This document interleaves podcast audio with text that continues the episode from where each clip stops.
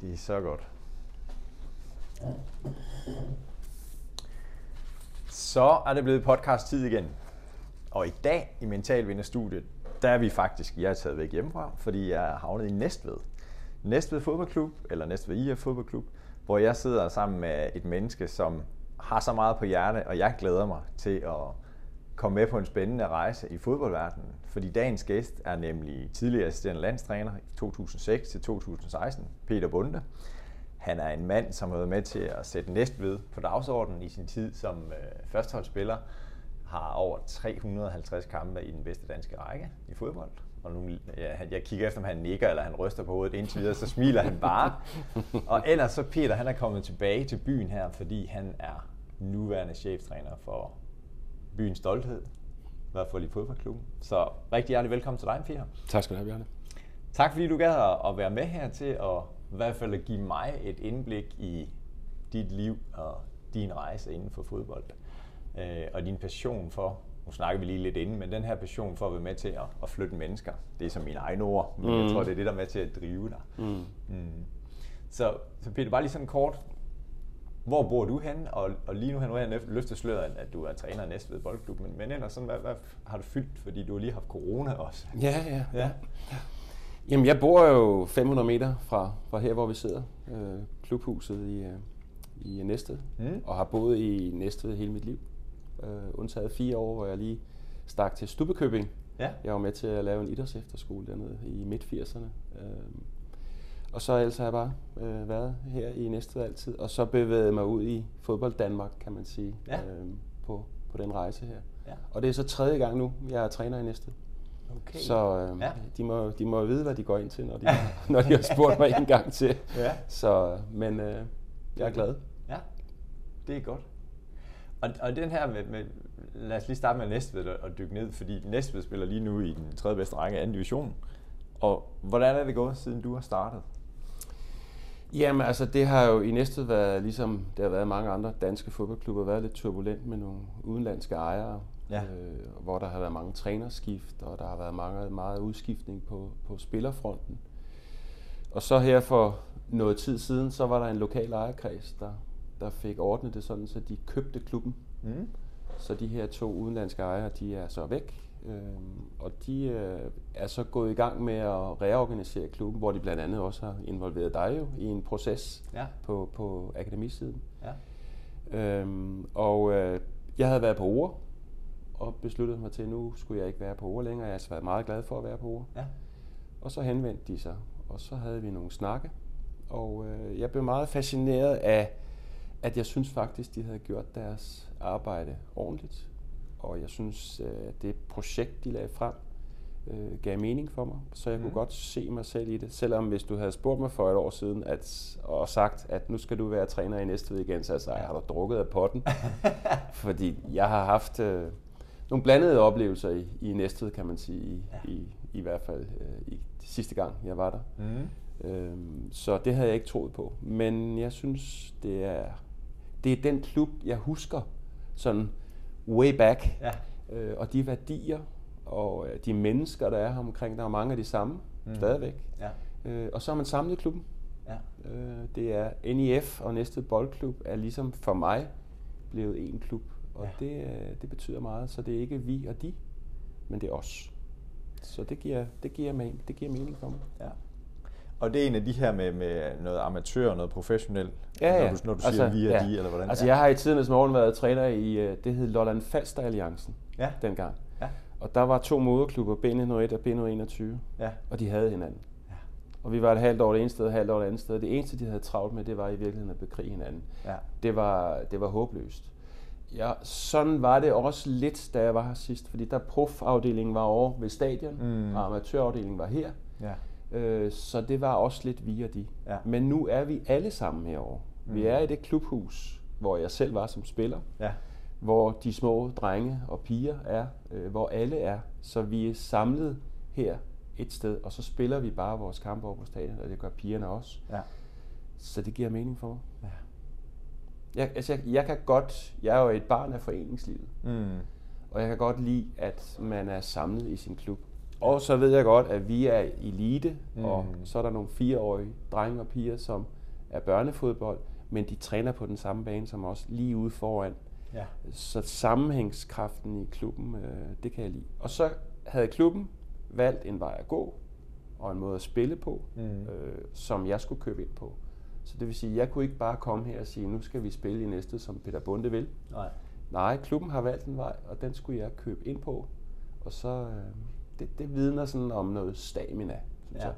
Ja. Så det bliver meget fascineret af.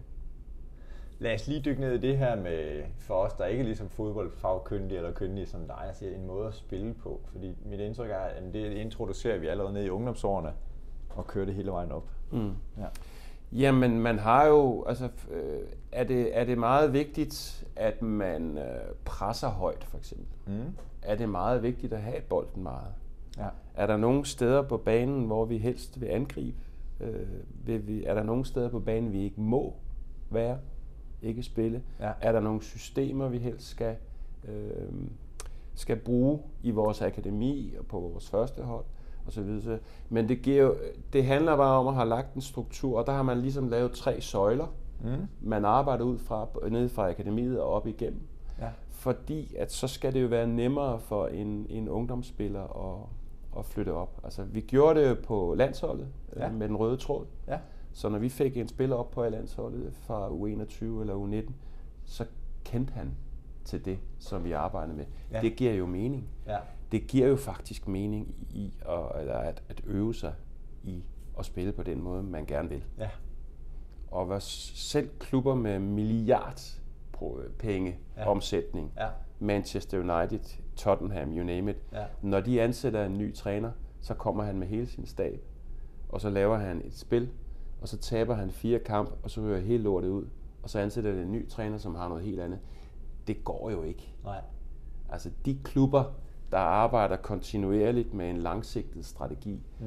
det er i min verden dem, der holder. Og det er vi i gang med her, synes jeg. Ja. Og det, det kan jeg godt lide. Og jeg har jo set, at, at der er udgivet de her værk, der hedder Spillestils koncept ja. et eller andet, hvis jeg husker rigtigt. På 100 og mange sider. Ja, lige nøjagtigt, ja. hvor, hvor at, at også i forhold til min erfaring med andre sportsgrene, tænkte okay, så er fodbold og næste ved IF virkelig langt mm. i forhold til at, at få defineret det og, og jeg tænker jo også udefra, fordi nu er der også nogle, nogle værdier omkring hårdt arbejde, omtanke og tydelighed, hvor i hvert fald at din klub, min klub, jeg er også mentaltræner i klubben, men i hvert fald mm. sætter nogle klare signaler om, det, det er det her, vi gerne vil. Ja. Øhm, og det, det tiltaler jo også mig i hvert fald. Altså, ja. det, det er jo fedt. Ja. Fordi vi kan også bedre forholde os til, at vi på rette vej, eller skal vi justere, eller... Og det kommer vi jo til. Altså, mm. for det, det her det er jo ikke en stationær ting. Fodbold er en, en, en flydende ting, ja. som hele tiden flytter sig. Ja. Så, så når vi har valgt at spille på den her måde, eller hvis vi har valgt at træne på den her måde, mm. eller hvis vi har valgt at behandle spillerne på den her måde, så om lige om lidt, så er det nogle andre unge mennesker, vi får ind, ja. som går i en anden skole end den øh, generationen før gik i, eller ja. bare, altså alting forandrer sig hele tiden. Ja. Vi bliver nødt til at acceptere, at de, at de sidder på deres telefoner, for eksempel. Ja. Vi kan ikke sige i dagens Danmark, i må ikke have jeres telefoner.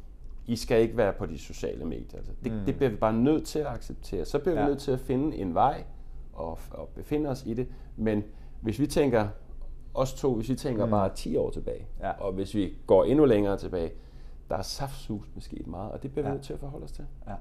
Så derfor bliver vi nødt til hele tiden at være på forkant med, hvordan vi behandler de her unge mennesker. Mm. Spændende. Ja. Og du er allerede løftet sløret for den røde tråd jo, fordi den, den skal vi jo dykke lidt ned i. Men inden vi gør det, så, og, og det er jo sådan et retrospektivt, tror jeg, det heller ikke kigge tilbage, fordi mm. du har været med til at, at netop skabe den røde tråd i, i DBU. Mm. Men hvis vi sådan lige går lidt op i helikopterperspektiv, og så den her spændende rejse, som dit liv har budt på indtil videre, mm. hvad er det så, du ser tilbage på med stolthed og har opnået udrettet? Øhm Jamen altså, jeg, altså jeg, jeg, jo, jeg er jo heldig, synes jeg, at jeg har selv spillet i en tidsalder, hvor at når man boede i Næstved, så spillede man i Næstved. Mm. Jeg tror, den anden seniorsæson, jeg havde, der kom der betalt fodbold. Og så allerede der begynder tingene jo at flyde, fordi så begynder man at flytte nogle steder hen. Penge gør jo ting ja. på det her ja. øh, univers. Ja. Men øh, nogle af mine allerbedste venner, som også er i klubben i dag, øh, spillede jeg jo sammen med dengang. Så jeg har sådan livslange venskaber. Mm-hmm. Og sætter meget stor pris på relationer. Øhm, og det, øh, der føler jeg mig heldig. Og jeg har jo oplevet, jeg har jo trænet millionærer i mange år. Uh, how to handle millionaires er jo mm. et af de vigtigste ting, når man er toptræner i, i Europa. Ja. Og det er ikke altid, at man bliver lykkeligere af at tjene mange penge. Nej. Og det er ikke altid, man bliver lykkelig af at være i et omklædningsrum, hvor ham, der sidder ved siden af en, der ønsker man ham det værste. Fordi du har måske en kontrakt, hvor du skal, hvis ikke du spiller, så altså, penge korrumperer jo et eller andet sted, eller penge gør ikke noget godt ved mennesker, synes jeg generelt. Nej, nej. Og der føler jeg mig heldig, at, at jeg er vokset op i en tid, hvor at vi var samlet, kan man sige. Og vi er jo tæt på at være der, synes jeg, med, med, med det omklædningsrum, jeg har her med gutterne. Mm. Fordi de får ikke ret meget for det. Og de har en fest. Altså, de har det sjovt Så. Ja. Det er jo held eller uheld, at en gruppe fungerer. Mm. Altså, det kan godt være, at vi to vi er, er umiddelbart interesseret i at kunne lide hinanden, men det kan vi jo ikke vide på forhånd. Nej. Selvom alle personlighedstest og bonger ud, sådan at selvfølgelig, vi skal da være bedste venner. Ja. Nogle gange er der jo noget kemi eller et eller andet, som gør. Så nogle gange er du også bare heldig, når du sammensætter en gruppe. Mm. Og det synes jeg jo er interessant her. Jeg synes, det har været sjovt at vinde medaljer. Jeg synes, at det har været sjovt at rykke op. Jeg synes ikke, det har været sjovt at blive fyret eller rykke ned. Nej. Øh, men jeg synes, det som jeg tænker tilbage på, og årsagen til, at jeg er her, det er, at jeg elsker at stå på træningsbanen. Ja. Så at se en, en øh, 15-årig pige på ord, lige pludselig knække koden med at lave nogle gode vendinger, og lykkes med det i en kamp for eksempel. Eller øh, se noget, som vi har arbejdet med på træningsbanen her, lykkes i en kamp. Se det lykkes til træning. Øh, det er egentlig de små ting, som, som øh, jeg tænker tilbage på. Mm. De gode trænings onsdag formiddag kl. 10, solskinsdag. Ja. Seks spillere på banen, bare være. Ja. Og arbejde med et eller andet. Ja. Med den der lille runde. Mm. Det er de der momenter, øh, som, som øh, jeg lever for. Der er jo flere, der har spurgt mig. Jeg er jo en gammel mand jo. Jeg er jo 63. Mm. Nu skal du da snart, og du skal da at møde og være leder, og jeg skal ikke være leder, jeg skal ikke være møde, øh, have flere møder, Nej. jeg skal træne. Ja. For det, det er det, jeg helst, helst vil. Ja. Så det er egentlig de momenter i mit, mit liv, det er de gode kampe, de gode træninger som spiller, og så det samme som træner, ja. faktisk. Mm. Sidde herinde i det her rum, vi sidder nu, ja.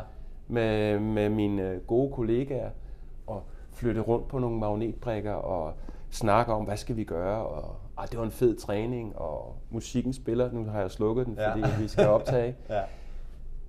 Det er, så det, det er, det er, det er sagen. Mm. Så det er egentlig det. Er egentlig det. Ja. det er ikke sådan noget jo, fantastisk at vinde over Portugal i parken og kvalificere sig til en slutrunde. Jo, men for mig er det ikke større end at have en god træning i virkeligheden. Mm. Det er det faktisk ikke. Og hvordan med, med spillerne? Fordi det jeg i hvert fald kommer til at tænke på, og nu kan jeg godt være lidt farvet, kan jeg lytte, fordi jeg selv er meget procesmenneske, og, og da Peter han fortalte det, så sagde han, ja, det kan jeg godt genkende det der, når jeg er badminton-træner, altså lige nok det her.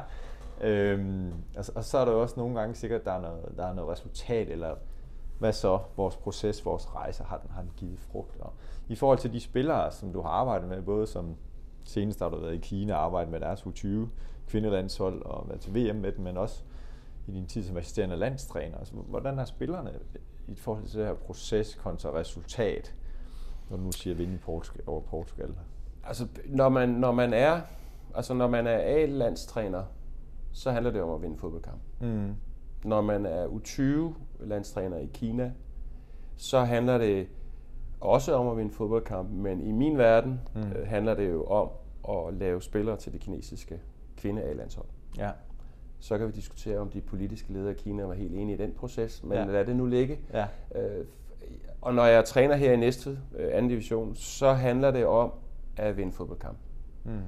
Men det handler også for mig om at øh, arbejde ned efter. Det vil sige, det handler om at få det til at hænge sammen med, med U23, U19, U17 og akademiet. Mm. Øh, fordi det vil også være med til at sikre, at, at jeg kan lave bedre resultater fremadrettet. Så den der sammenhængskraft, det er jo i virkeligheden det, som Kasper Juhlmann gør. Mm. Altså, fred være, altså jeg har kæmpe respekt for, for Åke Harreides øh, resultatrejse med det danske øh, A-landshold. Altså, det skal jeg slet ikke. Men Åke var jo ikke involveret og interesseret i den danske talentudvikling på samme vis som Morten Olsen og mm. jeg var, ja. og som Kasper Julemand er. Ja. Og derfor var det et rigtigt skifte at, at lave det. Så, fordi hvis man, hvis jeg udelukkende koncentrerer mig om, om øh, andivisionsholdet her i næste, mm. så kunne det godt være, at jeg kunne lykkes med det, men jeg tror, det vil være på kort sigt. Jeg tror, hvis det skal være en ongoing process, mm. så skal jeg sikre mig, at fundamentet er i orden, og der kommer et flow op. Jeg skal have unge spillere med op og træne med hos mig. Ja. Så de kan snuse til det, og så de kan, oh, og så lige pludselig så sker der jo noget, og ja. så er der en, der popper op. Hvis jeg bare siger, jeg arbejder med de 24 spillere her, mm. og jeg interesserer mig ikke for resten, så tror jeg ikke, det holder længden. Det tror jeg simpelthen ikke på. Så øh. Mm. Så lad os, lad os dykke ned i den røde tråd, som netop Kasper var med til, og du og Morten og ja. en række andre ja. landstrænere. Mm. Kan du ikke bare lige en, en hurtig indføring og, og jo, men det handler jo, det handler jo simpelthen om, hvordan tror vi på, at vi udvikler fodboldspillere bedst muligt. Mm. Vi, laver, vi laver en ramme. Hvad er det for en form for fodbold, vi gerne vil spille? Okay, det er sådan her, vi gerne vil spille. Højre bak, hvad skal han i virkeligheden være god til? Mm. Skal han være hurtig? Skal han være teknisk dygtig? Skal han være høj? Skal han være lille? Er det lige meget? Altså, og så, hvilke mentale parametre synes vi, at for eksempel en højre bak skal være i besiddelse af? Ja. Skal det være sådan en, der, når han har lavet fire indlæg bagom, skal han så øh, blive ved med at slå de der indlæg, eller skal han lige dæmpe sig lidt? Ja. Alle, altså alle parametre, fysisk, teknisk, taktisk og mentalt. Ja. På alle positioner, på målmand, på stopper, på så og så sætter man sig ned i det, og så siger man, okay, her har vi de første landsholdsspillere, vi har, det er U. De bliver måske talentspottet som 13-14-årige. Mm. Så har vi landshold, future landshold, U15, og så ellers deroppe efter. Og så putter vi på, så arbejder vi med det her på U15, mm. vi arbejder med det her på U16, 17 og så op efter. Ja. Sådan at vi ved, at de kommer igennem hele paletten i vores regi. Ja. Og de har øh, den samme tilgang til spillet. Øh, sådan at vi havde en kamp, hvor Akker han blev skadet under øh, opvarmning, eller en sidste træning inden en kamp, vi skulle spille mod Tjekkiet i Herning. Ja. Andreas Bjelland var spillet på 21-landsholdet, som var i nærheden i lejr. Vi kørte ham ind. Jeg holdt et møde med ham to timer før kamp, hvor lige med taktikken. Ja. Og så gik han ind og spiller 90 minutter. Ingen problemer. Fordi vi spiller, eller vi spillede på samme måde, som U21 gør. Mm. Og det ville jo være dumt andet. Ja. Altså, det vil være, der, der er jo nogen, der argumenterer den anden vej rundt og siger, at det er vigtigt, at de lærer at spille på forskellige måder.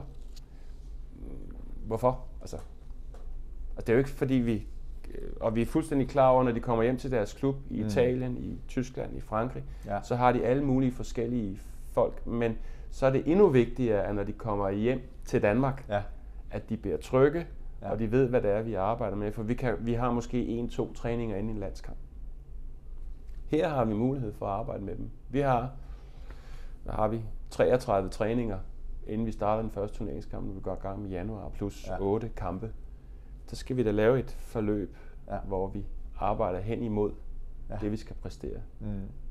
Og det er sådan, så for lige at runde den af, der er jo mm. nogle trænere, der på kampdagen sætter sig ned med deres 18 spillere, og, de, og spillerne ved ikke, hvem der skal spille.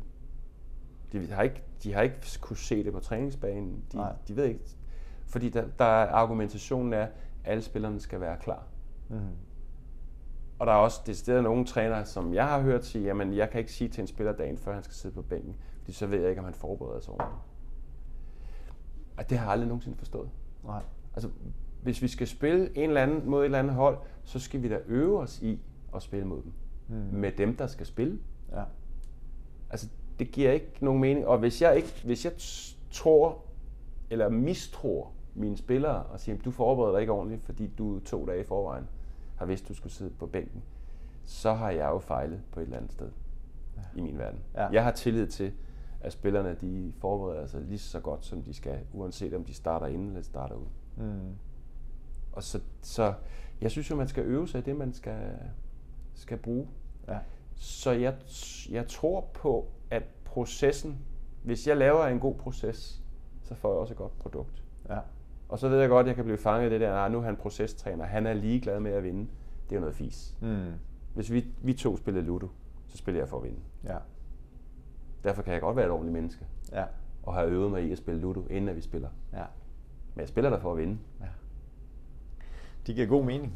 Og hvis jeg husker rigtigt, var der en håndboldtræner for håndboldligaen i det jyske, som lige har stoppet sit job, fordi han ikke var sulten nok efter at vinde. Eller ja. han i hvert fald selv kunne mærke det. Så, og, og, øhm, men det er en rigtig god, jeg tænker også refleksion, fordi det er også det her med, jamen dem som ikke er tæt på fodboldverdenen, jamen, hvad, hvad er det så, vi får, eller andre sportsgrene på det mm. højeste niveau. Der er måske nogle fordomme, fordomme om, at en fodboldtræner og en håndboldtræner skal helst være godt galt i skralden, og øh, der skal være x antal spillere, der skal være svinet til undervejs i kampen, for at kunne begå sig på allerhøjeste niveau. Det var en fordom, jeg ved ikke, der, der, der kan du fortælle, hvad, hvad din stil er anderledes, fornemmer jeg med det, du mm. fortæller. Ja. Altså. altså, jeg kan ikke forstå. Altså, jeg bruger altid Noma-eksemplet med René Ratebi, øh, den første ja. restaurant, hvor han står og sviner ind til, der lagde et blad forkert på. En ja. anden polsk øh, gut, der boede i en lejlighed sammen med fire andre, de fik ikke noget for det. Jeg ved godt, han har... Jeg tror, han... Jeg håber, han har lært af det. Altså, jeg, jeg ja. nægter simpelthen at tro på, at resultatet bliver bedre, og jeg er i hvert fald helt sikker på, at den person, han sviner til mm. og nedgør, bliver ikke bedre. Mm. Så derfor, det, der er nogle gange, at det bliver misforstået, det der med, at hvis ikke du sviner folk til, så stiller du ikke krav. Mm. Det handler jo meget om, om den, øh, det miljø, du laver, den kultur, du har. Jeg elsker, altså kultur i min verden spiser, jeg tror, der er en, der har sagt, kultur spiser strategi til morgenmad. Ja. Jeg elsker at skabe en kultur, hvor man de må danse på bordene, og de må hygge sig og grine og fortælle fræk vittigheder ned i omklædningsrummet. Når vi går ud, og det må de også gøre derude, mm. nu træner vi, så træner vi. Ja.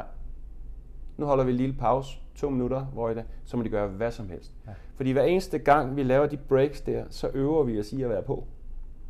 I stedet for, mm. at der er, det her kender jeg også, træner der stadigvæk praktiserer, at de der halvanden time før kamp i omklædningsrum, så skal der være stille. Mm. Så skal de sidde nede i, i gulvet, og de skal øh, visualisere, og de skal fokusere og sådan noget ting. Hvor jeg oplever, at de er fuldstændig smadret, når de går i gang. Mm. Fordi så, det mentale træt i hovedet? Ja, vi lavede ja. det på kvindelandsholdet. Jeg havde en ja. meget, meget fin assistent, der hed Per Nielsen. Ja. Når vi stod inde i omklædningsrummet, inden, der holdt vi i hånden, og så råbte er vi klar? Så råbte vi så, nej, råbte de så alle sammen. Fordi vi skulle ikke være klar nu. Ja. Vi skulle først spille om 10 minutter. Ja. Det synes jeg var fedt. Det var en fed øh, øh, vinkling på ja. det. Ja. Vi skal være klar i det øjeblik, dommeren fløjter op.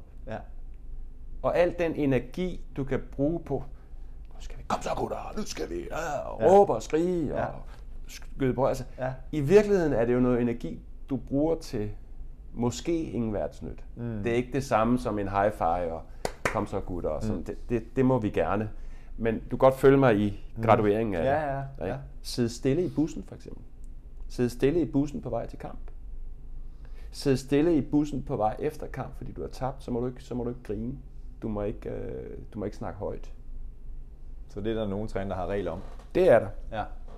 Jeg tror, det bliver færre, men jeg har selv haft dem, mm. og jeg har hørt om mange af dem. Ja. Og det Hvad? synes jeg er interessant.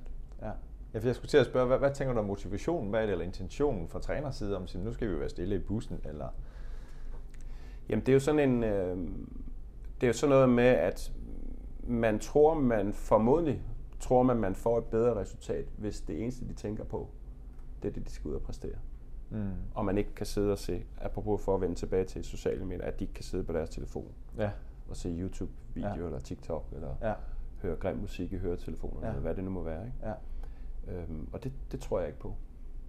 Jeg tror ikke på skæld ud som et, et bevidst middel, eller skabe konflikter bevidst, eller sådan nogle ting. Jeg tror på at skabe et, et rum, hvor de føler sig trygge, mm.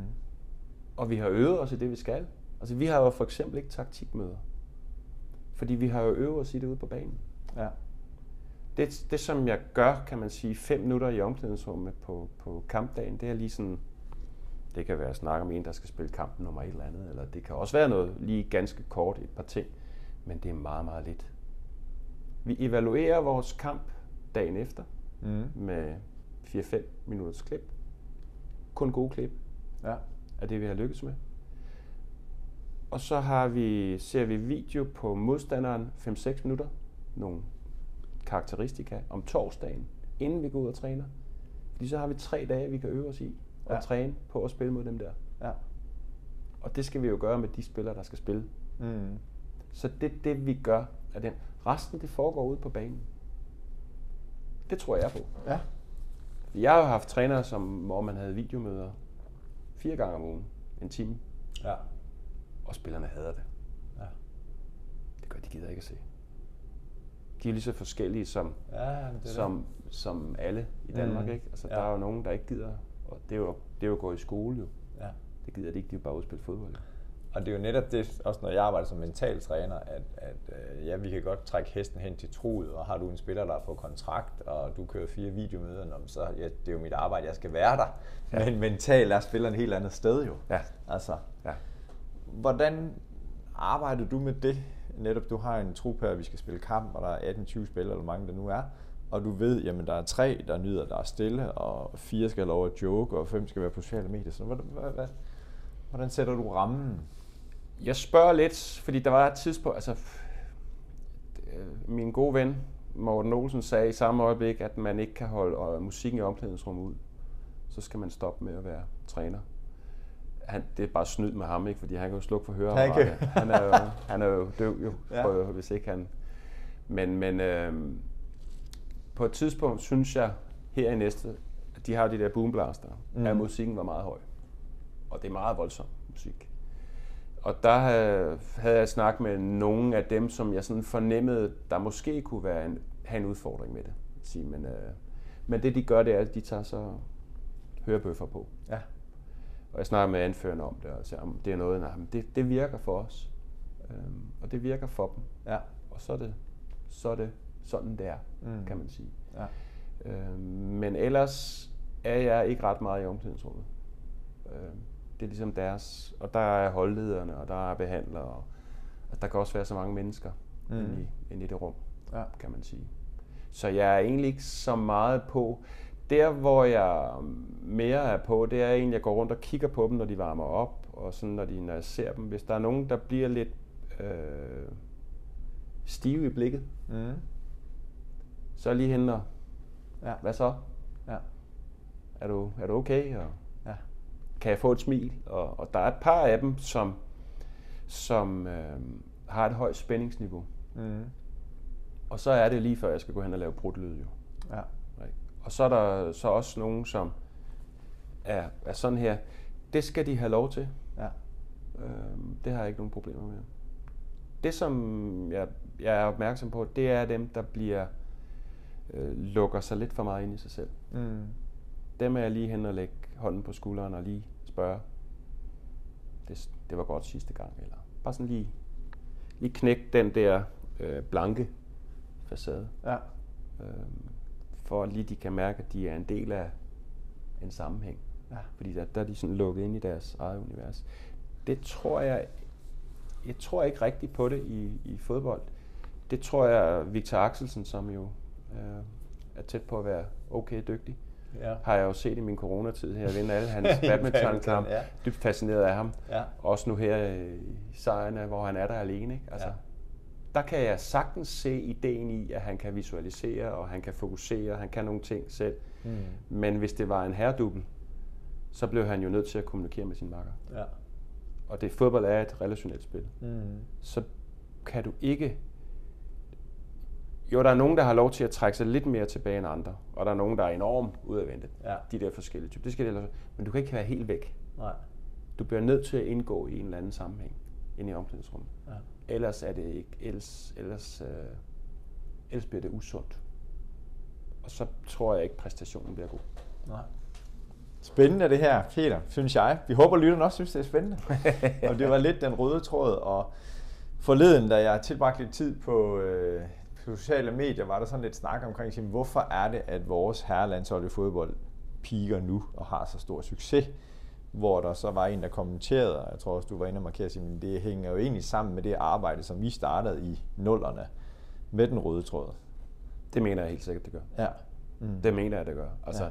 kan se, jeg tror, at øh, sidst jeg var inde og se dem mod Østrig, øh, kvalifikationskamp her, der var ni af spillerne i startopstillingen med, som stadigvæk som var med på landsholdet også, da morgen jeg havde dem i 15. Ja. Det vil sige 21 til 15. Det er helt ekstremt mange spillere, mm. der har spillet længe på landsholdet. Ja. Og dem, der kom med, det er Pierre Emil og AC og hvad de ellers hedder. Ja. Øh, Yusuf, øh, det var jo øh, spillere, som er tæt på at det være det første segment af den røde tråd. Det vil sige spillere, der har været udviklet igennem, op igennem rækkerne, kan man sige. Ja. Så det tror jeg på. Mm. Og også held med hensyn til, at de så er blevet udviklet, og så er de kommet til nogle større klubber, og de har fået en alder, som gør, at, at men heldigvis ser det ud til, at Damsgaard, Andreas Skov, øh, Christian, Nør, ah, Christian Nørgaard også fra den tid, men, men ja. der kommer unge spillere male med, som, som er udviklet senere. Vores U21-landshold har jo i mange år præsteret. Så jeg tror simpelthen på, at det er den røde tråd. Ja. Hvis jeg må gøre det her. Det må du da. At det, det, jeg tænker, det har jeg det. et eller andet, altså det var vores danstrænergruppe, der gjorde det jo. Ja. Og så, så øh, og vi snakkede om det og præmisserne, og så Kasper og Kjeld lavede den her pamflet. Kjeld Vorning og, ja, og, og øh, ja. ja. ja. Og så øh, og så førte vi det jo ud i livet. Mm. Vi havde en rigtig fin øh, landstrænergruppe, hvor vi havde nogle, nogle spændende møder ja. og snakke om det her. Ja. Fedt. Ja. Fantastisk. Se, øh, den her podcast er jo udsprunget af, at vi gerne vil være mentalt stærkere og prøve at blive 1% bedre hver dag. Og det snakker jo så meget ind i proces, kan jeg sige, for det er mig, der har valgt navnet til men, men hvis du skal sætte ord på, og det kan være med udgangspunkt i dig selv, men også alle de her spillere og how to handle a millionær, du har arbejdet med, mm. og skulle prøve at definere med dine ord, hvad kendetegner en, der er mentalt stærk, eller det, jeg kalder en mental vinder? Altså det er sådan helt banalt set handler det jo om en, der er i stand til at toppræstere, når det gælder. Mm. Øhm, det, værste, man kan opleve næsten som træner, det er at have trænings, eller trænings, træningsverdensmester. Ikke? Ja. At du øh, fem gange om ugen øh, render rundt ud på banen, og så ser du en, der kan hele muligheden. Men så lige så snart der sidder øh, 200 mennesker, eller 50.000, ja. eller hvad det nu må være, alt afhængig af, hvor man er henne, mm. så kan de ikke. Det er vel det mest frustrerende. Mm. Men det er næsten lige så frustrerende at have en spiller, som, som aldrig vinder til træning, hvis du laver konkurrencer, eller kun arbejder lige til det, der kan være acceptabelt. Mm. Men så når du spiller kampen, så er han hun der. Ja. Og det er jo sådan de to yderpoler. Vi, altså den, den optimale, det er jo ham, der træner helt fantastisk, mm. og så også toppræsterer i kampene. Ja. Så alle de der nuancer ind imellem. Ikke? Men, men det jeg vil komme frem til, det er, at hvis i, i den verden her, hvor, hvor jeg er nu, ja. og også på, på A-holdet, så skal jeg bruge den, der kan præstere, når der sidder mennesker ude på, udenfor. Mm. Og det er også den person, som øhm, når du spiller øh, social badminton, eller bowler, eller øh, shuffleboard til julefrokosten, eller hvad det nu er, det er ham, der vinder 80% af gangen. Fordi det er han overbevist om. Mm. Vi havde træner-leder julefrokost her i uh, weekenden. Ja. Der stiller sig nogen op ved sådan et shuffleboard der, som stort set aldrig har prøvet det før. Og vinder, fordi det er de overbevist om, de gør. Og de har den der kan du kalde det, vindermentalitet. Mm. Øh, jeg har mødt dem igennem her. Der er altid sådan nogle i trupperne, som vinder. Ja. Fordi de, har, de er overbevist om, at de vinder. Så kan du kalde dem blærerøve, eller selvfede, eller whatever. Ja. Men de er overbevist om det. Ja. Og det er en fas- øh, fascinerende ting. Ja. Og så er der også nogen, øh, ja, det, du kan spille kort, du kan, der, der er jo mange ting, Mm. hvor kan du næsten se, at de forsvinder. Nu tror de ikke, ej, inden, inden du trækker de 13 kort op, mm. eller hvad det nu er, jeg får garanteret noget lort. Ja. Ikke? Hvor der er også nogen, der, jamen altså, det er, i det øjeblik, så er det den gyldne hånd. og det er bare sådan, altså, at, at uh, Ola Rasmussen, gammel legendarisk uh, kæmpe her, som er en dygtig kortspiller, fodboldspiller, alle slags spil. ja. Her fra Næstved. Ja. Ja. Kartoffelavleren fra Holm Olstrup. Yes. Han har også spillet 40-50 landskampe eller sådan noget. Ja. Super fyr. Han er vinder. Ja. Og det er ligegyldigt, om, om det er krokket, eller kort, eller tennis, har jeg spillet med ham i mange år. Ja. Nu spiller hører jeg, at han spiller golf. Han er ikke særlig teknisk god til tennis eller golf, men han vinder. Ja. Fordi det er han overbevist om, han gør. Okay. Og hvis, han begynder, hvis det begynder at knive for ham, og han spiller mod dig, Mm. så begynder han at komme med nogle kommentarer. Fordi så, så mærker han lige efter, hvor er det. At han kan trykke mig og flytte mit fokus, eller hvad? Ja, Ja. ja. Mm. Jeg tænker meget på det i forbindelse med de badmintonkampe her. De der mm. badmintonspillere, der ho! Ja. På, lige på nogle bestemte tidspunkter, Mm. hvor der er en, der lige har røget på en håndleds ting. Ja. Okay, nu stikker jeg lige kniven ind. Ja. Det er jo også en vindermentalitet. Mm. Så kan vi diskutere, om du er sympatisk eller ej, ja. men det er en vindermentalitet. Ja. Ja, og det er et værktøj. Altså jo højere op vi kommer, i hvert fald i sportens verden, måske også i erhvervslivet, så er der bare flere dimensioner i det her med at præstere sit bedste. ja. At sige, at jeg skal have styr på mit eget. Nu siger jeg shit, men, Ja. men på et eller andet tidspunkt, så skal jeg også prøve at lige at holde øje med min modstander, så kan jeg ødelægge det for ham, ja. og give ham svære betingelser, så han ikke er fuldt fokuseret til den næste aktion, eller hvad det nu kan være, hvis det er på fodbold. Ja, ja, ja. ja. Altså, det er jo klart, det er jo, altså, når du skal præstere et eller andet og lave et godt resultat, så skal du have begge dele med. Mm. Medmindre du står og spiller mur med dig selv. Ja. Der står jo en, der er en modstander Ja. på den, på den anden side. Ikke? Og det intimiderer øh, er jo en del af det. Mm.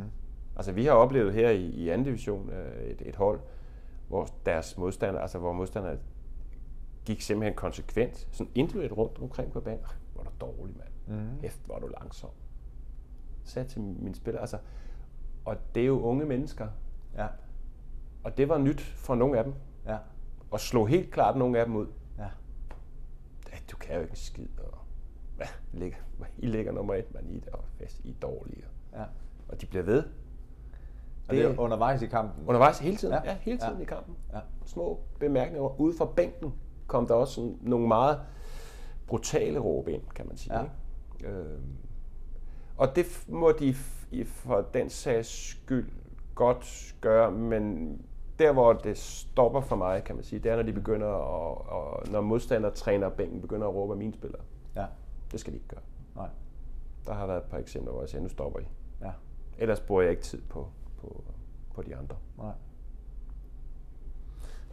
Ja. Spændende at få det indblik med også. Ja, ja. Og endda i anden division. Altså, det er stadigvæk højt, men også kan Ja, ja, ja, ja. hvordan er det så ikke Ja, oppe i, ja, ja. i Superligaen. Jeg skal lige høre, i forhold til det her med at være en vinder, og nu havde vi kartoffelavleren Ola Rasmussen og en ja. Ja. række andre, som vi har haft Ja. inde på livet. Hvad er dit indtryk af at sige, jamen, øh, på A-landsholdet? Hvor mange har det bedst med at være favoritter inden en kamp? Hvor mange har det bedst med at være undertippet? Og så kan det være sådan en dimension i midten. Vi har spurgt over 1000 atleter omkring det. her. Hvor- Hvornår har du den bedste spændingsniveau, mm. Mm. den bedste følelse inden en kamp, konkurrence? Mm. Klart at være favoritter. Klart at være favoritter. Ja, Ja. klart at være favoritter. Det har Fordi hvis du, hvis du er der, så skal det være det, du går efter, kan man sige. Hvis du Mhm. synes, det er noget... Altså, det har jeg jo nogle gange sagt, ja, det er et pres for os at ligge nummer et. Altså, vi ligger jo nummer et, Ja. og vi ligger mange point Ja. foran øh, øh, nummer tre, som er ligesom øh, vores målestok, kan man sige. Ja. Øhm, vi arbejder med ikke at forsvare vores føring. Vi Mhm. arbejder med at angribe den. Ja. Vi arbejder med ikke at undgå. altså vi skal ikke snakke om at undgå noget. Vi skal snakke om at opnå noget. Ja. Og det er en proces, vi stadigvæk ikke er gode nok til, synes jeg. Jeg har set i mange af vores kampe, for eksempel, når vi kommer foran 1-0, så kan jeg se på nogle af spillerne, at de begynder at tænke mere forsigtigt. Mm. Hvor jeg vil gerne have, at vi tænker endnu mere og opnå mål nummer to. Ja. Øh, men det tager tid. Men, men der er jo ikke nogen tvivl om, at at vinde mange kampe, øh, som vi har gjort, ja. er jo med til at hjælpe den proces. Øh, så øh, at vi oplevede det, vi tabte jo 5-0 til Kolding i den næste sidste kamp. Ja. Og, hvad, og hele verden har brugt rigtig mange ressourcer på den kamp. Og journalisten, vi, journalisten siger jeg, fordi det er jo sjællandske, der er vores reference, ja. Ja. snakker, ringer og spørger meget til den der, og hvordan har I bearbejdet, og hvad, og blamagen, og så siger vi, vi har ikke, vi har ikke brugt tid på det. Vi rundede den af i omklædningsrummet efter kampen, ja. og så har jeg ikke brugt sekund. Vi har ikke set noget klip fra den. Vi har ikke, ikke beskæftiget os med den overhovedet. Ja. Vi kun kigget på den kamp, vi skulle spille næste gang. Mm. Som vi så heldigvis også vandt. Men det er jo meget sådan, det er jo meget en fejl. Vi er jo, lever jo meget i en fejlfinderkultur, synes jeg. Mm. Ja. Men der, der er ikke nogen, det er jeg dybt, dybt, dybt overbevist om. Der er ikke nogen, der skal fortælle mig, at spillerne bliver dygtige af, at jeg holder dem fast i deres fejl. Det tror jeg simpelthen ikke på. Og jeg tror på, at de billeder, de skaber ind i hovedet, af de ting, de skal gøre, hvis jeg viser dem og snakker med dem og øver med dem i de ting, de skal være gode til, så vil jeg våge påstå, at chancen er større. Ja. I stedet for at jeg siger til dem, hold nu op med at spille den den vej. Ja. Lad nu være med at mm. klassikeren. Det vigtigste, når vi skal spille mod dem, er, at vi må ikke give dem hjørne. Det er simpelthen en, det er en klassisk fejl. Mm. De er dygtige på hjørne. Vi må ikke give dem hjørne. Der går et minut, så har de fået et hjørne. Ja. Det eneste, der fylder op i deres hoved.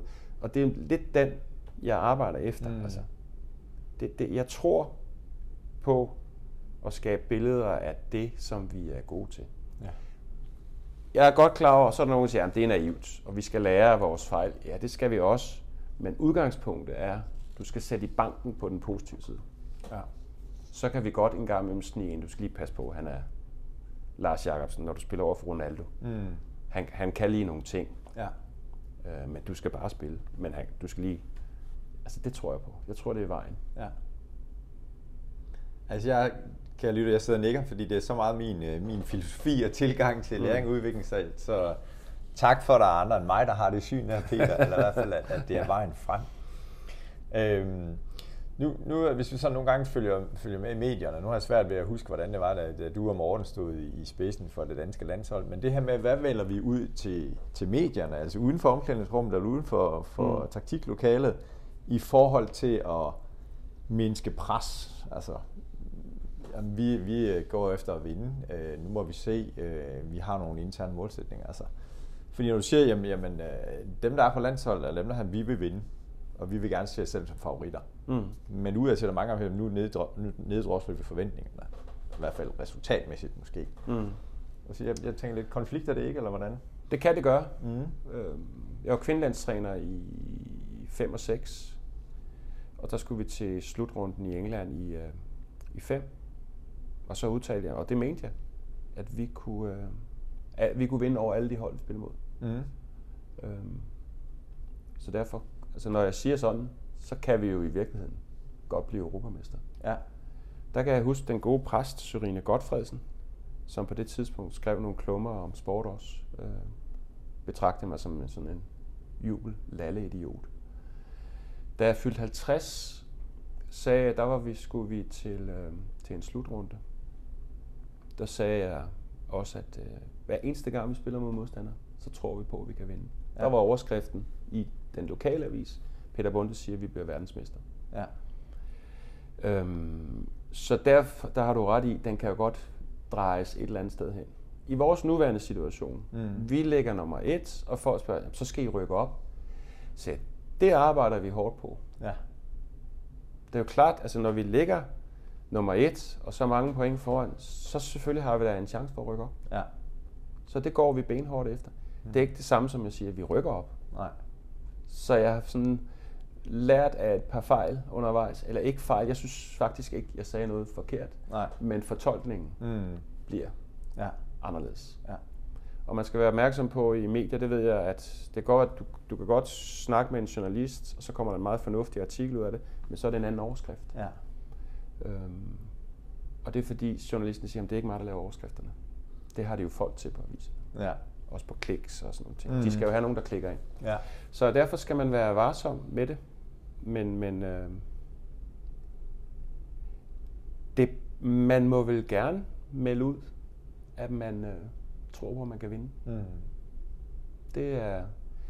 Uans, altså, hvis du siger det ene, bliver du klantet, og hvis du siger det andet, bliver du Ja, klantet. det er det. Så, så du skal jo sige det, som du øh, kan stå indenfor, kan man sige. Ja. Og det er jo lidt med de poster, du har haft, så ved du jo om nogen, jamen næsten uanset hvordan vi kommunikerer, så er der, så er der nogen, der kan finde det gode i det, og nogen kan finde det negative i det. Ja, ja, ja, ja. ja. Og vi prøver at, at prikke til jer, eller Ja. prikke til dig, Ja. udfordre dig. Ja. Mm, ja. Nu har vi snakket lidt mental vinder, og nogle gange får vi jo medaljer, og forsøgsmedaljen den er rigtig, rigtig flot, men der er også en bagside nogle gange her. Så, så hvis du nu skulle sige det modsatte, og, og hvad kendes en mental taber, det vil jeg ikke kalde det, og det siger min lytter også, det er et dårligt udtryk, Bjørn, lad være med det. Men en, som ikke er mentalt stærk, altså vi siger, jamen, mental vinder for dig er en, der kan præstere, når det er, det virkelig gælder. Mm. Hvad er det modsatte så for dig, hvis du kunne sætte ord på? Jamen, det er jo en... en øh, altså, det er jo... Ikke for at sige, det er sådan i pige-kvindefodboldverdenen. Men, men jeg bruger tit eksempel. Jeg kunne godt tænke mig, at der var langt flere blærerøv i pigefod- pigefodbold. Ja. Fordi hvis du... Der er sådan en klassisk ting, du kan lave på en træningsbane. Spille overlægger. Hvem skal Ja. lige samle vesten ind? Eller Ja. Så lægger man en boldspark efter overlæggeren. Og hvis du lægger en, en, øh, en flok bolde foran en gruppe drenge, uanset niveau, Ja. og siger, nu spiller vi overvæg- overlægger. Så generaliseret start, siger alle drengene og tænker, de siger i hvert fald højt, det er ikke sikkert, det er alle sammen, det gør de selvfølgelig ikke. Selvfølgelig kan jeg det. Ja. Hvis du gør det foran en flok piger generelt, så siger han, det kan vi ikke. Ja. Og det er sådan meget generaliseret, mm. og at heldigvis ændrer tingene sig, så ikke fordi, at drengene skal blive mindre selvbevidste, men pigerne skal selvfølgelig tro mere på sig selv. Ja. Øh, og det er jo der, hvor at hvis man ser begrænsninger for sig selv, øh, og at det vokser ind i dit hoved, Mm. så er det i hvert fald en udfordring. Det er de spillere der, som jeg en gang imellem lige skal hen og lægge. Fordi nu kan jeg mærke, at nu er de i gang med at bygge en historie op i deres hoved. Ja. Øh, at det bliver, det bliver en begrænsning. Så, øhm, så er man med mentalt på vej øh, den forkerte vej. Ja. Hvis man, hvis man er bekymret på forhånd, Mm. og man behøver ikke at sige højt, det tror jeg ikke på, jeg kan. og, Uh, det bliver svært for os. Eller så, så, er det, så er det vanskeligt. Ja. Hvis Lars Jakobsen ikke tror på, at han kan klare en en mod en med Ronaldo, Mm. øh, det kan godt være, at han siger det, men hvis vi har en fornemmelse af, at han ikke tror på det, Ja. så har vi en, øh, så har vi en udfordring. Ja. Så det er, det er egentlig de der scenarier, at man, man fornemmer, at der er en begrænsning Mm. På den enkelte spiller. Ja. Og dem kender vi jo, og det kan være, det behøver ikke at være noget med, at man er introvert eller ekstrovert, men, men det er den personlighed, man nu engang har. Ja. En spiller, som er meget struktureret for eksempel, som revisor, Ja. ikke ondt om dem, nej, men- kassetænkning. ja, øh, ja. Hvis vi ændrer lidt på systemet, eller der er en spiller, som han føler sig tryg ved, ikke er ved siden af, bryde det mønster. Øhm, Eller hvis du omvendt har den der entreprenør-type, øh, som gerne vil have en frihed og bevæge sig rundt, hvis de siger, du, du, skal, du skal holde dig i Ja. venstre side, for Ja. eksempel. Ja. Så lukker jeg ham ind i et bur. Ja. Så, så ser han begrænsninger. Mm. Så der er dybest set skal man jo, hvis det skal være helt optimalt, så skal du som mental træner have rundt og have en fornemmelse af, at han er den type. Det, oh, det er den meget, det er meget på relationer, det er meget på resultat, det er meget Ja. på, hvad det nu må være. Ikke? Ja. Så skal man ramme dem Ja. på deres øh, ting. De, de, de mest typiske, det er, øh, når man spiller et eller andet spil, hvor betalt mål eller konkurrence, så er der altid en, som øh, er utilfreds med øh, banestørrelsen, eller Ja. hvis du tæller forkert. Ja. Og så er der nogen, der bare spiller, Ja. fordi det er fedt at spille og lave mål og sådan noget. Ja. Altså, de, de er der jo alle sammen. Ja, ja. De forskellige typer. Ja. Ja. Hvor meget, måske i din tid på A-landsholdet, øh, hvor meget går, går I ud af det her med, at vi er forskellige personligheder, øh, og det er fedt? For hvis vi alle sammen ligner hinanden, hvis vi alle sammen var revisoren, eller mm. kasserne, eller alle ja. sammen entreprenøren, mm. kreatøren, så ville det nok ikke gå. Altså, hvor meget gør I ud af at, at synliggøre det? Jamen, jeg tror, at, at øh, det gjorde vi jo, hvis individuelle samtaler, vi havde jo tid, kan man sige. Mm. Øh, der er nogle spillere, jeg kan godt nævne navne, for det er to rigtig dygtige spillere. Dennis Rommedal for eksempel. Ja. Fantastisk spiller. Taktisk, øh, ekstrem dygtig, øh, teknisk hurtig, havde alt. Jeg ved godt, befolkningen har en anden mening om ham. Ja. Men det er jeg ligeglad med. En af de dygtigste spillere, jeg har trænet. Ja. Øh, havde ikke behov for individuel coaching. Han spillede bare. Ja. Han havde sådan en, en uh, intuition, mm. fornemmelse for spillet og øh, ting, som, som det, var, det var fint. Ja. Han skulle bare have lov at rende rundt og hygge om drengene og spille fodbold. Ja. Så William Kvist, ekstremt struktureret, ja. arbejdede ekstremt meget med mental coach også. Ja. Havde virkelig brug for at se klip, øh, her vender jeg forkert op. Altså, det var hans måde at forberede sig på, virkelig at se meget på modstanderne, på sin egen præstation og på holdets præstation, fordi ellers følte han sig ikke velforberedt. Mm. Så det er vel sådan et meget godt eksempel på nogle yderpoler. Christian Eriksen, da han kom med, brugte vi også meget tid på med, med samtaler og videoklip og, øh, for, for at få ham til at føle sig tryg i det. Og så ja. toner det jo af efterhånden, som han bliver mere tryg og ældre ja. og så videre. Så, videre. Ja. så alt derimellem. Ja. Ekstremt meget, ingenting, og så ellers derhen ja. på vores personlige kendskab med, ja. med spillerne, hvad deres behov er, hvad vi fornemmer i forhold til dem og sådan noget. Ja. Så det er, det er, det brugte så, jeg rigtig meget tid på, mm. individuelle samtaler ja. vi, ud fra video. Og ja. så når du så har siddet og set 10 videoklip med en vending, så ender du måske i snak om klubben eller familien. Eller, ja. Altså, så bliver det jo bare en samtale. Ja. Men også udenfor, du er jo ikke bare en fodboldspiller, du er også noget andet, ja, ja, ja. fornemmer jeg. Ja. Ja. Ja.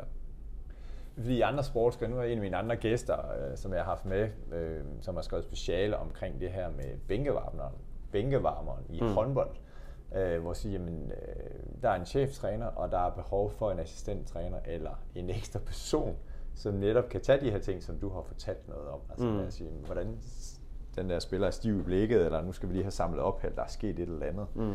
Hvordan var rollefordelingen mellem Morten og dig? Altså, nu sagde du selv, at jeg havde mange af de her snakke. Jamen, så Morten er jo, var jo den overordnede ansvarlige, og havde selvfølgelig det store taktiske overblik, men Morten er også ekstremt dygtig til mennesker. Mm. Så, så Morten var også dygtig til, til de der individuelle samtaler. Ja jeg var meget på analysedelen og, og på øh, at sidde og læ- lægge op på modstandere og evaluere vores egne kampe, ind, de der individuelle samtaler ud fra videoklip, kan man sige. Ja. Så egentlig gik vi lidt ind over det samme, og det gør vi også i det rum her. Ja. Altså, vi er jo fire trænere, kan man sige, så, ja. så vi, øh, vi gør egentlig meget det samme. Altså, jeg er ikke den, der træner mest rent praktisk i gang. Det gør Kenneth Gangsted for eksempel. Ja. Og Balling er her øh, lidt mindre, og Pau har målmændene, og Rasmus er analytikeren, så han, han laver de der ting. Så mm. det er egentlig øh, det er egentlig den samme dagsorden, kan man sige, vi har mere eller mindre alle ja. sammen. Ja. Og det har jeg det fint med. Ja. Der er, spillerne kommer også forskelligt. Altså, ja. Der er nogen... Vi har jo alle sammen vores favoritter. Ja. Altså, Forstå mig ret. Ja, ja. Øhm, der, der er nogen, der synes, Benny han er helt fantastisk. Ja. Og så, ah, det er nok ikke lige nu og sådan nogle ting. Og så diskuterer vi os til ret. Og så, så i den sidste ende er det mig, der har vetoret, kan man sige. Men, ja. men øh, alle, alle giver deres mening til kende. Mm. Fedt. Ja.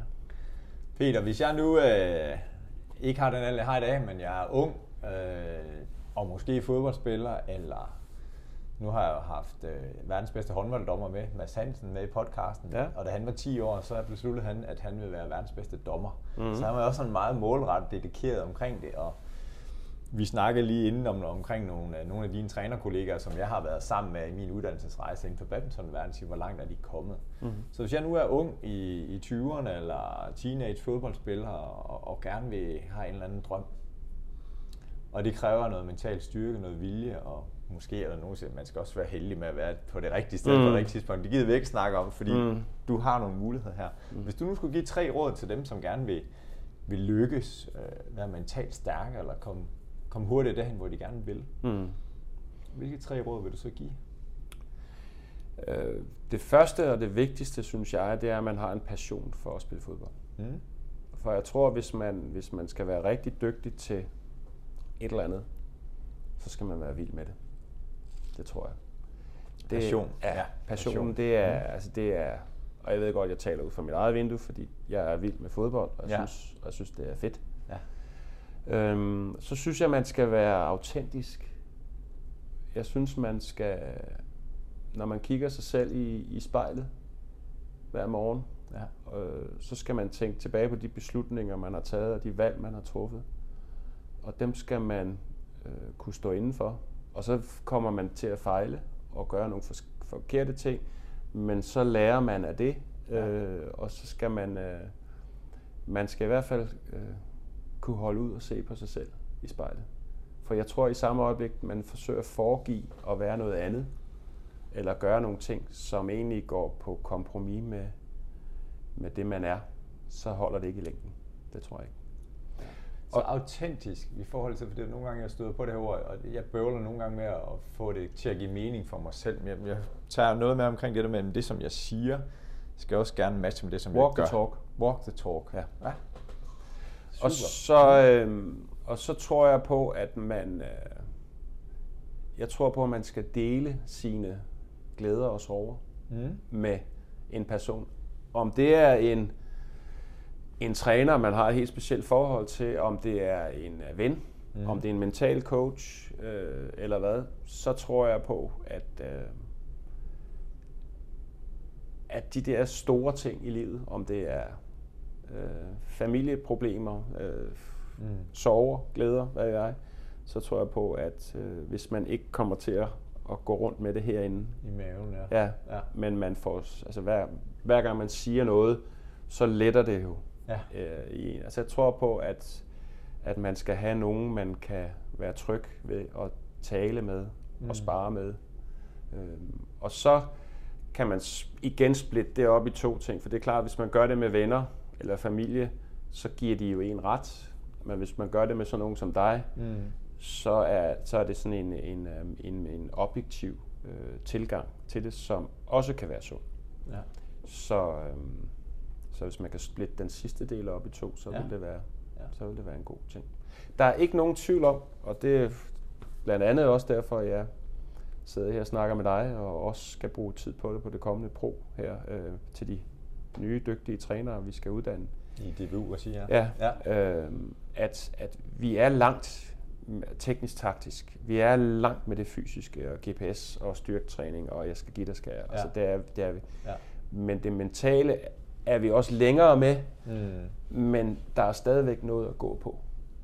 Øh, det er der. Og heldigvis ser man jo, at der er flere og flere af din slags, der, der begynder at, at arbejde med de her sportsfolk. Mm. Det, er så bare vigtigt for mig, det er, at det er vigtigt, det er nogle mennesker, der forstår sportens DNA. Derfor når man ja. din tilgang som badmintonmand, øh, eller at man er, har i hvert fald bevæget sig ind i et eller andet, fordi hvis man kommer ind i en sportskultur, et sportsunivers, uden at have den mindste anelse om, hvordan der lugter det omklædningsrum, mm. så tror jeg simpelthen, der er for lang vej. Ja. Det tror jeg. Og det henviser også rigtig godt til, at du siger det her med kultur og spise strategi til morgenmad. Eller ja, liksom. Nu skal I bare høre, hvad I skal. Ja, ja, men ja. kender du kulturen? Ja. Altså, ja. ja. Det giver så god mening. Der er rigtig mange ledere, der kommer ind i fodboldklubber på, på, på de bonede gulve der, som lige så godt kunne være øh, CEO for en øh, tagdækkerfabrik. Ja. Øh, og det er bare ikke det samme. Nej. Det er det ikke. God pointe. Fedt. Tre gode råd her. Ja. Passionen. Find en allieret. Walk the talk. Mm-hmm. Ja. Og den sidste der, altså det, altså det her med at finde en allieret, jeg kan rigtig godt lide den der, du siger, fordi jamen vil du bare, når jeg opsøger nogen, ja, ja, er det nogen, der giver ret i alt det, du siger? Ja. Mm. Øh, og så kan du jo netop som træner sige, det, det er jo fint nok, det er første skridt. Jeg har lige et andet skridt, du kan overveje at tage, og finde nogen, der måske ikke har samme syn som dig. Ja, hvis du, hvis du er fodboldtræner, du kommer med en spiller, der kommer tilbage, med min agent siger, min far siger, ja. er det fint? Ja. Men jeg siger. Ja. ja. Super. Peter, vi er snart uh, kommet til vejs ende her, og jeg har jo simpelthen mange ting, jeg gerne vil spørge dig om. Uh, nu tager jeg lige det næste spørgsmål her. Fordi din rejse i fodboldverdenen, du er uddannet som, som lærer for mange år siden, og hvad, hvornår sendte du skal være fodbold? Altså, hvad, hvornår tog du det skridt, eller kom det bare naturligt, eller hvad? Jamen, øh, jeg har spillet fodbold lige siden jeg kunne gå. Mm. Øh, jeg har smadret rigtig mange ruder i min fars værksted. Han var bilmekaniker. Ja. Øh, kom lidt for tidligt ud til, til fodbold ude i Herlefolm. Min storebror startede, han var to år ældre, men så fik jeg lov at være med alligevel. Ja. Øh, og så har jeg spillet fodbold altid. Mm. Øh, og da jeg stoppede med at spille fodbold, så skulle jeg stadigvæk være i fodbold. Det var jeg overbevist om. Ja. Så jeg har ikke på noget tidspunkt været i, i tvivl om det. Jeg var glad for at være lærer, og i lang periode havde jeg jo begge, begge dele. Ja. Øh, så, så jeg føler mig jeg føler mig heldig, at jeg har fået, altså jeg har jo ikke et arbejde. Det, det, har, jeg ikke, det har jeg jo ikke haft i, ja, jeg ved ikke hvor længe. Ja. Fordi jeg gør jo det, som jeg allerhelst vil. Ja. Altså, min kone er øh, stoppet med at arbejde, og hun havde regnet med, når jeg stoppede på ord, så skulle jeg sådan drosle lidt ned. Ja. Øh, siger, men jeg kan jo godt gå på pension, men så vil jeg jo gøre det alligevel. Ja. Så kan jeg jo lige så godt tjene lidt penge på det, kan ja. man sige. Ikke? Ja. Så, så jeg, øh, jeg føler mig heldig. Mm. Øh, og fodbold, det er bare, ja. Og det er en hobby. Ja, det er Fordi lige nok det, det her, du siger med, at, at, at jamen, det har ikke noget arbejde. Det, det gør bare det, jeg elsker. Ja. Fordi det er noget af det, jeg har snakket med nogle af mine andre gæster om i, i podcasten. Jeg siger, det er så vigtigt, synes jeg, mm. at det, du bruger dit arbejdsliv på, så er vi tilbage lidt ved passion også, det mm. skal gøre dig glad, mm. eller giver mening for dig. Mm. Og der oplever jeg i hvert fald mange, som siger, at det kan godt være, at de snakker om det med vennerne eller over julefrokost. Ja, jeg skulle egentlig også lave noget. Og ikke hvis det er firma julefrokost, så er det ikke sikkert, at de gør det. Men, men i hvert fald det der, hvor at, jamen, de får aldrig handlet på det. Nej. Altså, hvor, hvor jeg tænker, der mangler noget mod, eller altså har du øh, den her mental styrke, som jeg i hvert fald fornemmer hos dig, som mm. Kommer til udtryk ved at være enormt rolig, kommer til udtryk gætter jeg bare for det, som du siger, men i hvert fald det, som fornemmer sig, jamen som leder, jeg behøver ikke at, at vise, at jeg har magten. Mm. Så ja, det, det, er i hvert fald lidt det, jeg fornemmer, ja, er en del af dit lederskab. Det er, altså, jeg er jo den, der har arbejdet længst sammen med Morten Olsen. Ja. Jeg var assistent for ham i 10 år. Ja. Og så var han da med i to slutrunder inden, hvor, som så anden assistent, kan man sige, for ja. Laudrup og Bordengård. Ja. Så, så jeg har også sagt til ham, at jeg burde have en medalje, jeg har arbejdet sammen med ham i så mange år. altså, jeg har aldrig nogensinde haft behov for magt. Nej. Men jeg, altså, jeg skal have indflydelse. Mm. Og det har jeg haft hele tiden under Morten. Altså, ja. øh, og, og forstå mig ret, det er ikke vitalt for mig, at jeg er cheftræner her i næste. Nej.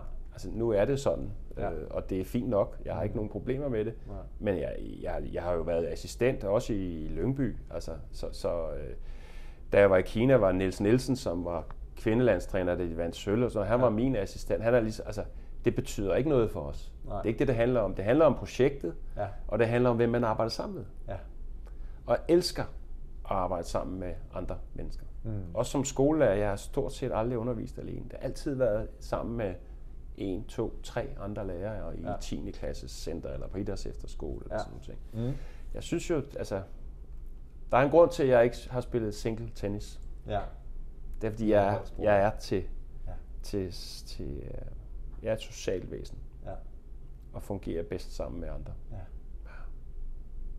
Hvis vi går tilbage i tiden, nu har du selv du startede med at smadre bilruder, eller vinduer i din fars butik. Og det var også bilruder. Det, det kan jeg også lide. Også bilruder. Ja. Det kræver et hårdt skud at kunne smadre sådan en. Ja, ja, det, oh, det, var, det havde jeg. Det er det derfor, jeg ja. Hvis du nu skal gå tilbage, og jeg ved ikke, hvor langt du skal tilbage, men hvis du skal give dit yngre jeg et godt råd, hvor gammel er du så? og hvordan vil rådet lyde? altså, det, det er sådan to del, for jeg, jeg var anfører på divisionshold her i Næstved i den bedste række, øh, og der stoppede jeg som 26-årig. Ja. Og der troede jeg, at jeg... Øh, du stoppede med at spille? Stoppede med at spille, ja. Okay. Fordi jeg var med til, at så vi var 10, der, der blev ansat på, på Gunsløholm Idræts Efterskole nede på Falster. Ja. Og skulle starte skolen op. Øhm, og det er sådan todelt, og det siger jeg, fordi at jeg er så glad for, at jeg kom i, ind i efterskoleverdenen. Ja. Øh, fordi så var jeg fire år der, og det er også derfor, jeg så har været på ord. Ja. Efterskole, højskole, universet er vild med. Ja. Øh, med både værdierne og hverdagen og menneskene. Men det var for tidligt at stoppe med at spille fodbold. Yes. Jeg genoptog det jo så også. Ja. Og, øh, og begyndte så at vende tilbage til den bedste række. Øh, de, de, de, øh, fra da jeg var 29, 30, 31, 32. Så jeg ja. spillede de sidste fire år. Men de to år der, jeg ikke spillede, det, det skulle jeg have fortsat med. Mm. Men jeg fortryder det ikke. Nej. Jeg fortryder det ikke. Men, men uh, jeg kunne måske lige have nået et lidt højere niveau. Øh, øh, rent sportsligt. Så kan man sige, det ved jeg ikke, om jeg fortryder, men jeg havde som helt ung spiller, der lavede en kontrakt med Panathinaikos ja. i Grækenland. Ja. Og forhandlinger og alting var på plads, og øh, Marianne, min kone, var også klar til at tage med og det hele, men den, de, de fyrede så hele øh, bestyrelsen også, så det blev ikke til noget. Det kunne have været sjovt at prøve, men det fik jeg så repareret ved at prøve at være i Kina. Ja. Fordi jeg havde også haft sådan en, en bucket list, hvor jeg sagde, jeg kunne godt tænke mig at prøve at komme til udlandet ja. og være i en anden kultur. Ja. At det så blev Kina, det, altså, det var spændende at være i Kina, men jeg vil ikke gentage det. Det, det er ikke et rart sted at være. Nej. Det er det ikke. Øh, så, men jeg fik prøvet det. Ja. Så, så jeg fortryder noget, og alligevel ikke. Ja. Og sådan er det i hvert fald for de fleste de mennesker, jeg snakker med, ja. fordi det, det har givet noget erfaring eller et eller andet. Præcis. Og, og nogle gange, jamen, så har det bragt mig derhen, hvor jeg er i dag. Ja. Eller jeg bliver afklaret om, det der skulle jeg ikke. Altså, ja. også lige sådan, om det er fedt at være ude i Kina, måske ikke lige stedet, jeg vil tage hen til Nej. igen. Ja. Mm. Bucket list. Prøv lige, prøv lige at sige noget om det, Peter. Jamen, øh, altså, det, er jo, det er jo sådan, at hvis man har nogle, nogle drømme, man, man øh, gerne vil nå, inden at man stiller træskoene jo. Ja. Øh, og, øh, og det har jeg ikke. Altså, da jeg kom til udlandet, min kone og jeg har haft sådan en New Zealand-ting. Ja. Øh, og det nåede vi lige inden, da vi kom hjem, kom coronaen. Ja. Øhm, og jeg er i virkeligheden ikke særlig vild med at rejse, det har jeg aldrig været. Jeg har ikke bestilt andet hele mit liv med landshold ja. og klubhold og hvad det ellers er. Ja. Så, så øh, jeg har ikke noget på min bucket list mere. Jeg har fire børnebørn. Ja. Jeg har to dejlige børn og sviger, ja. sønner. Og, øh, og jeg har et fantastisk liv. Ja. Så jeg er egentlig mere på nuet. Mm hvis spørger min kone, så, går, så har hun stadigvæk lige et par rejsemål, vi skal og sådan noget. Så ja. Det tager jeg gerne med, ja. men, men det, er ikke, det er ikke sådan, at jeg tænker, det skal jeg. Nej. Jeg føler mig heldig ja. og privilegeret, jeg er der, hvor jeg er. Ja. Så min sidste, næste sidste spørgsmål, det er, nu har vi snakket, hvilket råd vil du give til dit yngre jeg? Og vi har lige vendt bucketlisten, og der er tjek, tjek, tjek. Marianne har noget, det må vi lige arbejde med, jeg er klar. hvilket råd vil du så give til dit ældre jeg? Hvor gammel er du? Og hvordan vil rådet lyde? Jamen, jeg er, jeg er 63, øh, og mit råd det er at, at, øh, at mærke efter, at jeg kan at jeg stadigvæk føler, at jeg kan give noget til, til den, det univers, jeg er i, mm. i, det her rum, jeg er lige nu. Ja. Øhm, og at jeg den dag, hvor at jeg ikke kan holde musikken i omklædningsrummet ud, ja øhm, også selv kan indse, at det er at jeg helst ikke skal prikkes på skulderen og sige, nu, nu er det nok gamle, gamle jas. Ja. Øhm, jeg føler ikke, at jeg er, er færdig Nej. med det, jeg laver lige nu. Så, men men øh, jeg, vil, jeg, vil gerne, jeg vil gerne slutte værdigt, kan ja. man sige, ikke? Ja. i den her sammenhæng. Så jeg hører et råd med at huske at lave selvreflektion eller mærke efter, ja. hvor er jeg henne. Ja. Når jeg kigger mig selv i spejlet om morgenen, ja. så skal jeg, øhm, så skal jeg, så det der skal fylde mig med, med, det skal fylde mig med glæde, at jeg skal overtræne. Mm. Hvis jeg tænker, åh, oh, nu er det koldt, eller de var også helt umulige, eller et eller andet, så er det, jeg skal begynde at, at tænke mig om. Ja. Øh, men det har jeg ikke tænkt på noget tidspunkt i mit liv endnu. Så. Fedt. Så det gode råd er, glæden skal være din ledsager. Ja. Og hvis den ikke er der, så, så skal jeg trække stikket. Så skal du trække stikket. Ja. Fedt. Og jeg hæftede mig også lidt for to minutter siden, tror du sagde, det med at være i nuet. Ja. Fordi jeg møder desværre alt for mange mennesker, som hænger fast i fortiden, eller Mm. er for langt frem i fremtiden, og ikke til stede i nuet. Ja. Ja. Mm. Det stjæler jeg også ligesom et godt råd. ja. Peter, det- jeg har været så godt selskab, det må jeg sige. Hvis du nu skulle invitere en, en person ind i Mental Vinderstudiet, hvem synes du, det kunne være interessant, at jeg tog en snak med omkring mental styrke og blive 1% bedre?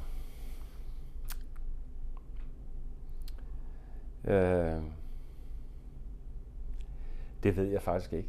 Altså, jeg synes jo, jeg har rigtig mange øh, øh spændende kollegaer i, øh, i mit fodboldunivers. Der, jeg synes jo, det kunne være rigtig interessant, hvis du tog en snak med alle mine spillere. Ja. Øh, så det må mit råd være, det er at tage en rundt. Du skal bare gennem 26 se, se, Her i Næstved. Ja. For lige at høre, høre Ja. hvad, hvad det er, der rører sig Ja. ja. derinde bagved. Skal jeg rapportere tilbage til dig, eller skal jeg bare lade? Nej, jeg, tror, jeg tror, der er mange, der kan have glæde af det her. Mm. Øhm, det tror jeg, og jeg, jeg glæder mig til forhåbentlig at komme til at arbejde sammen med nogle, nogle mentale coaches, eller nogen, Mm. som har forstand på de dele, som, som du har, for jeg synes, det er, det er interessant. Ja. Den, det menneskelige væsen ja. er, er en sjov størrelse. Ja. Så jeg har ikke Ja. nogen enkelt person, jeg kan...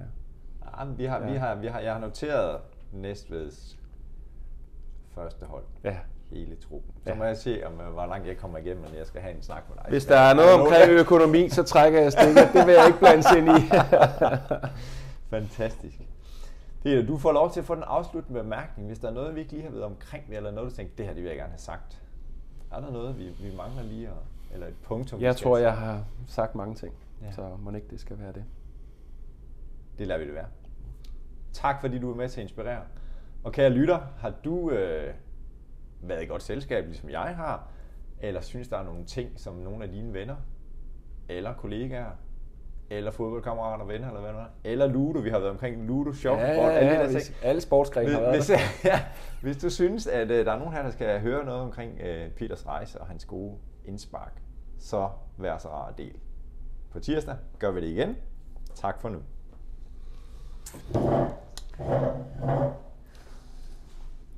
Det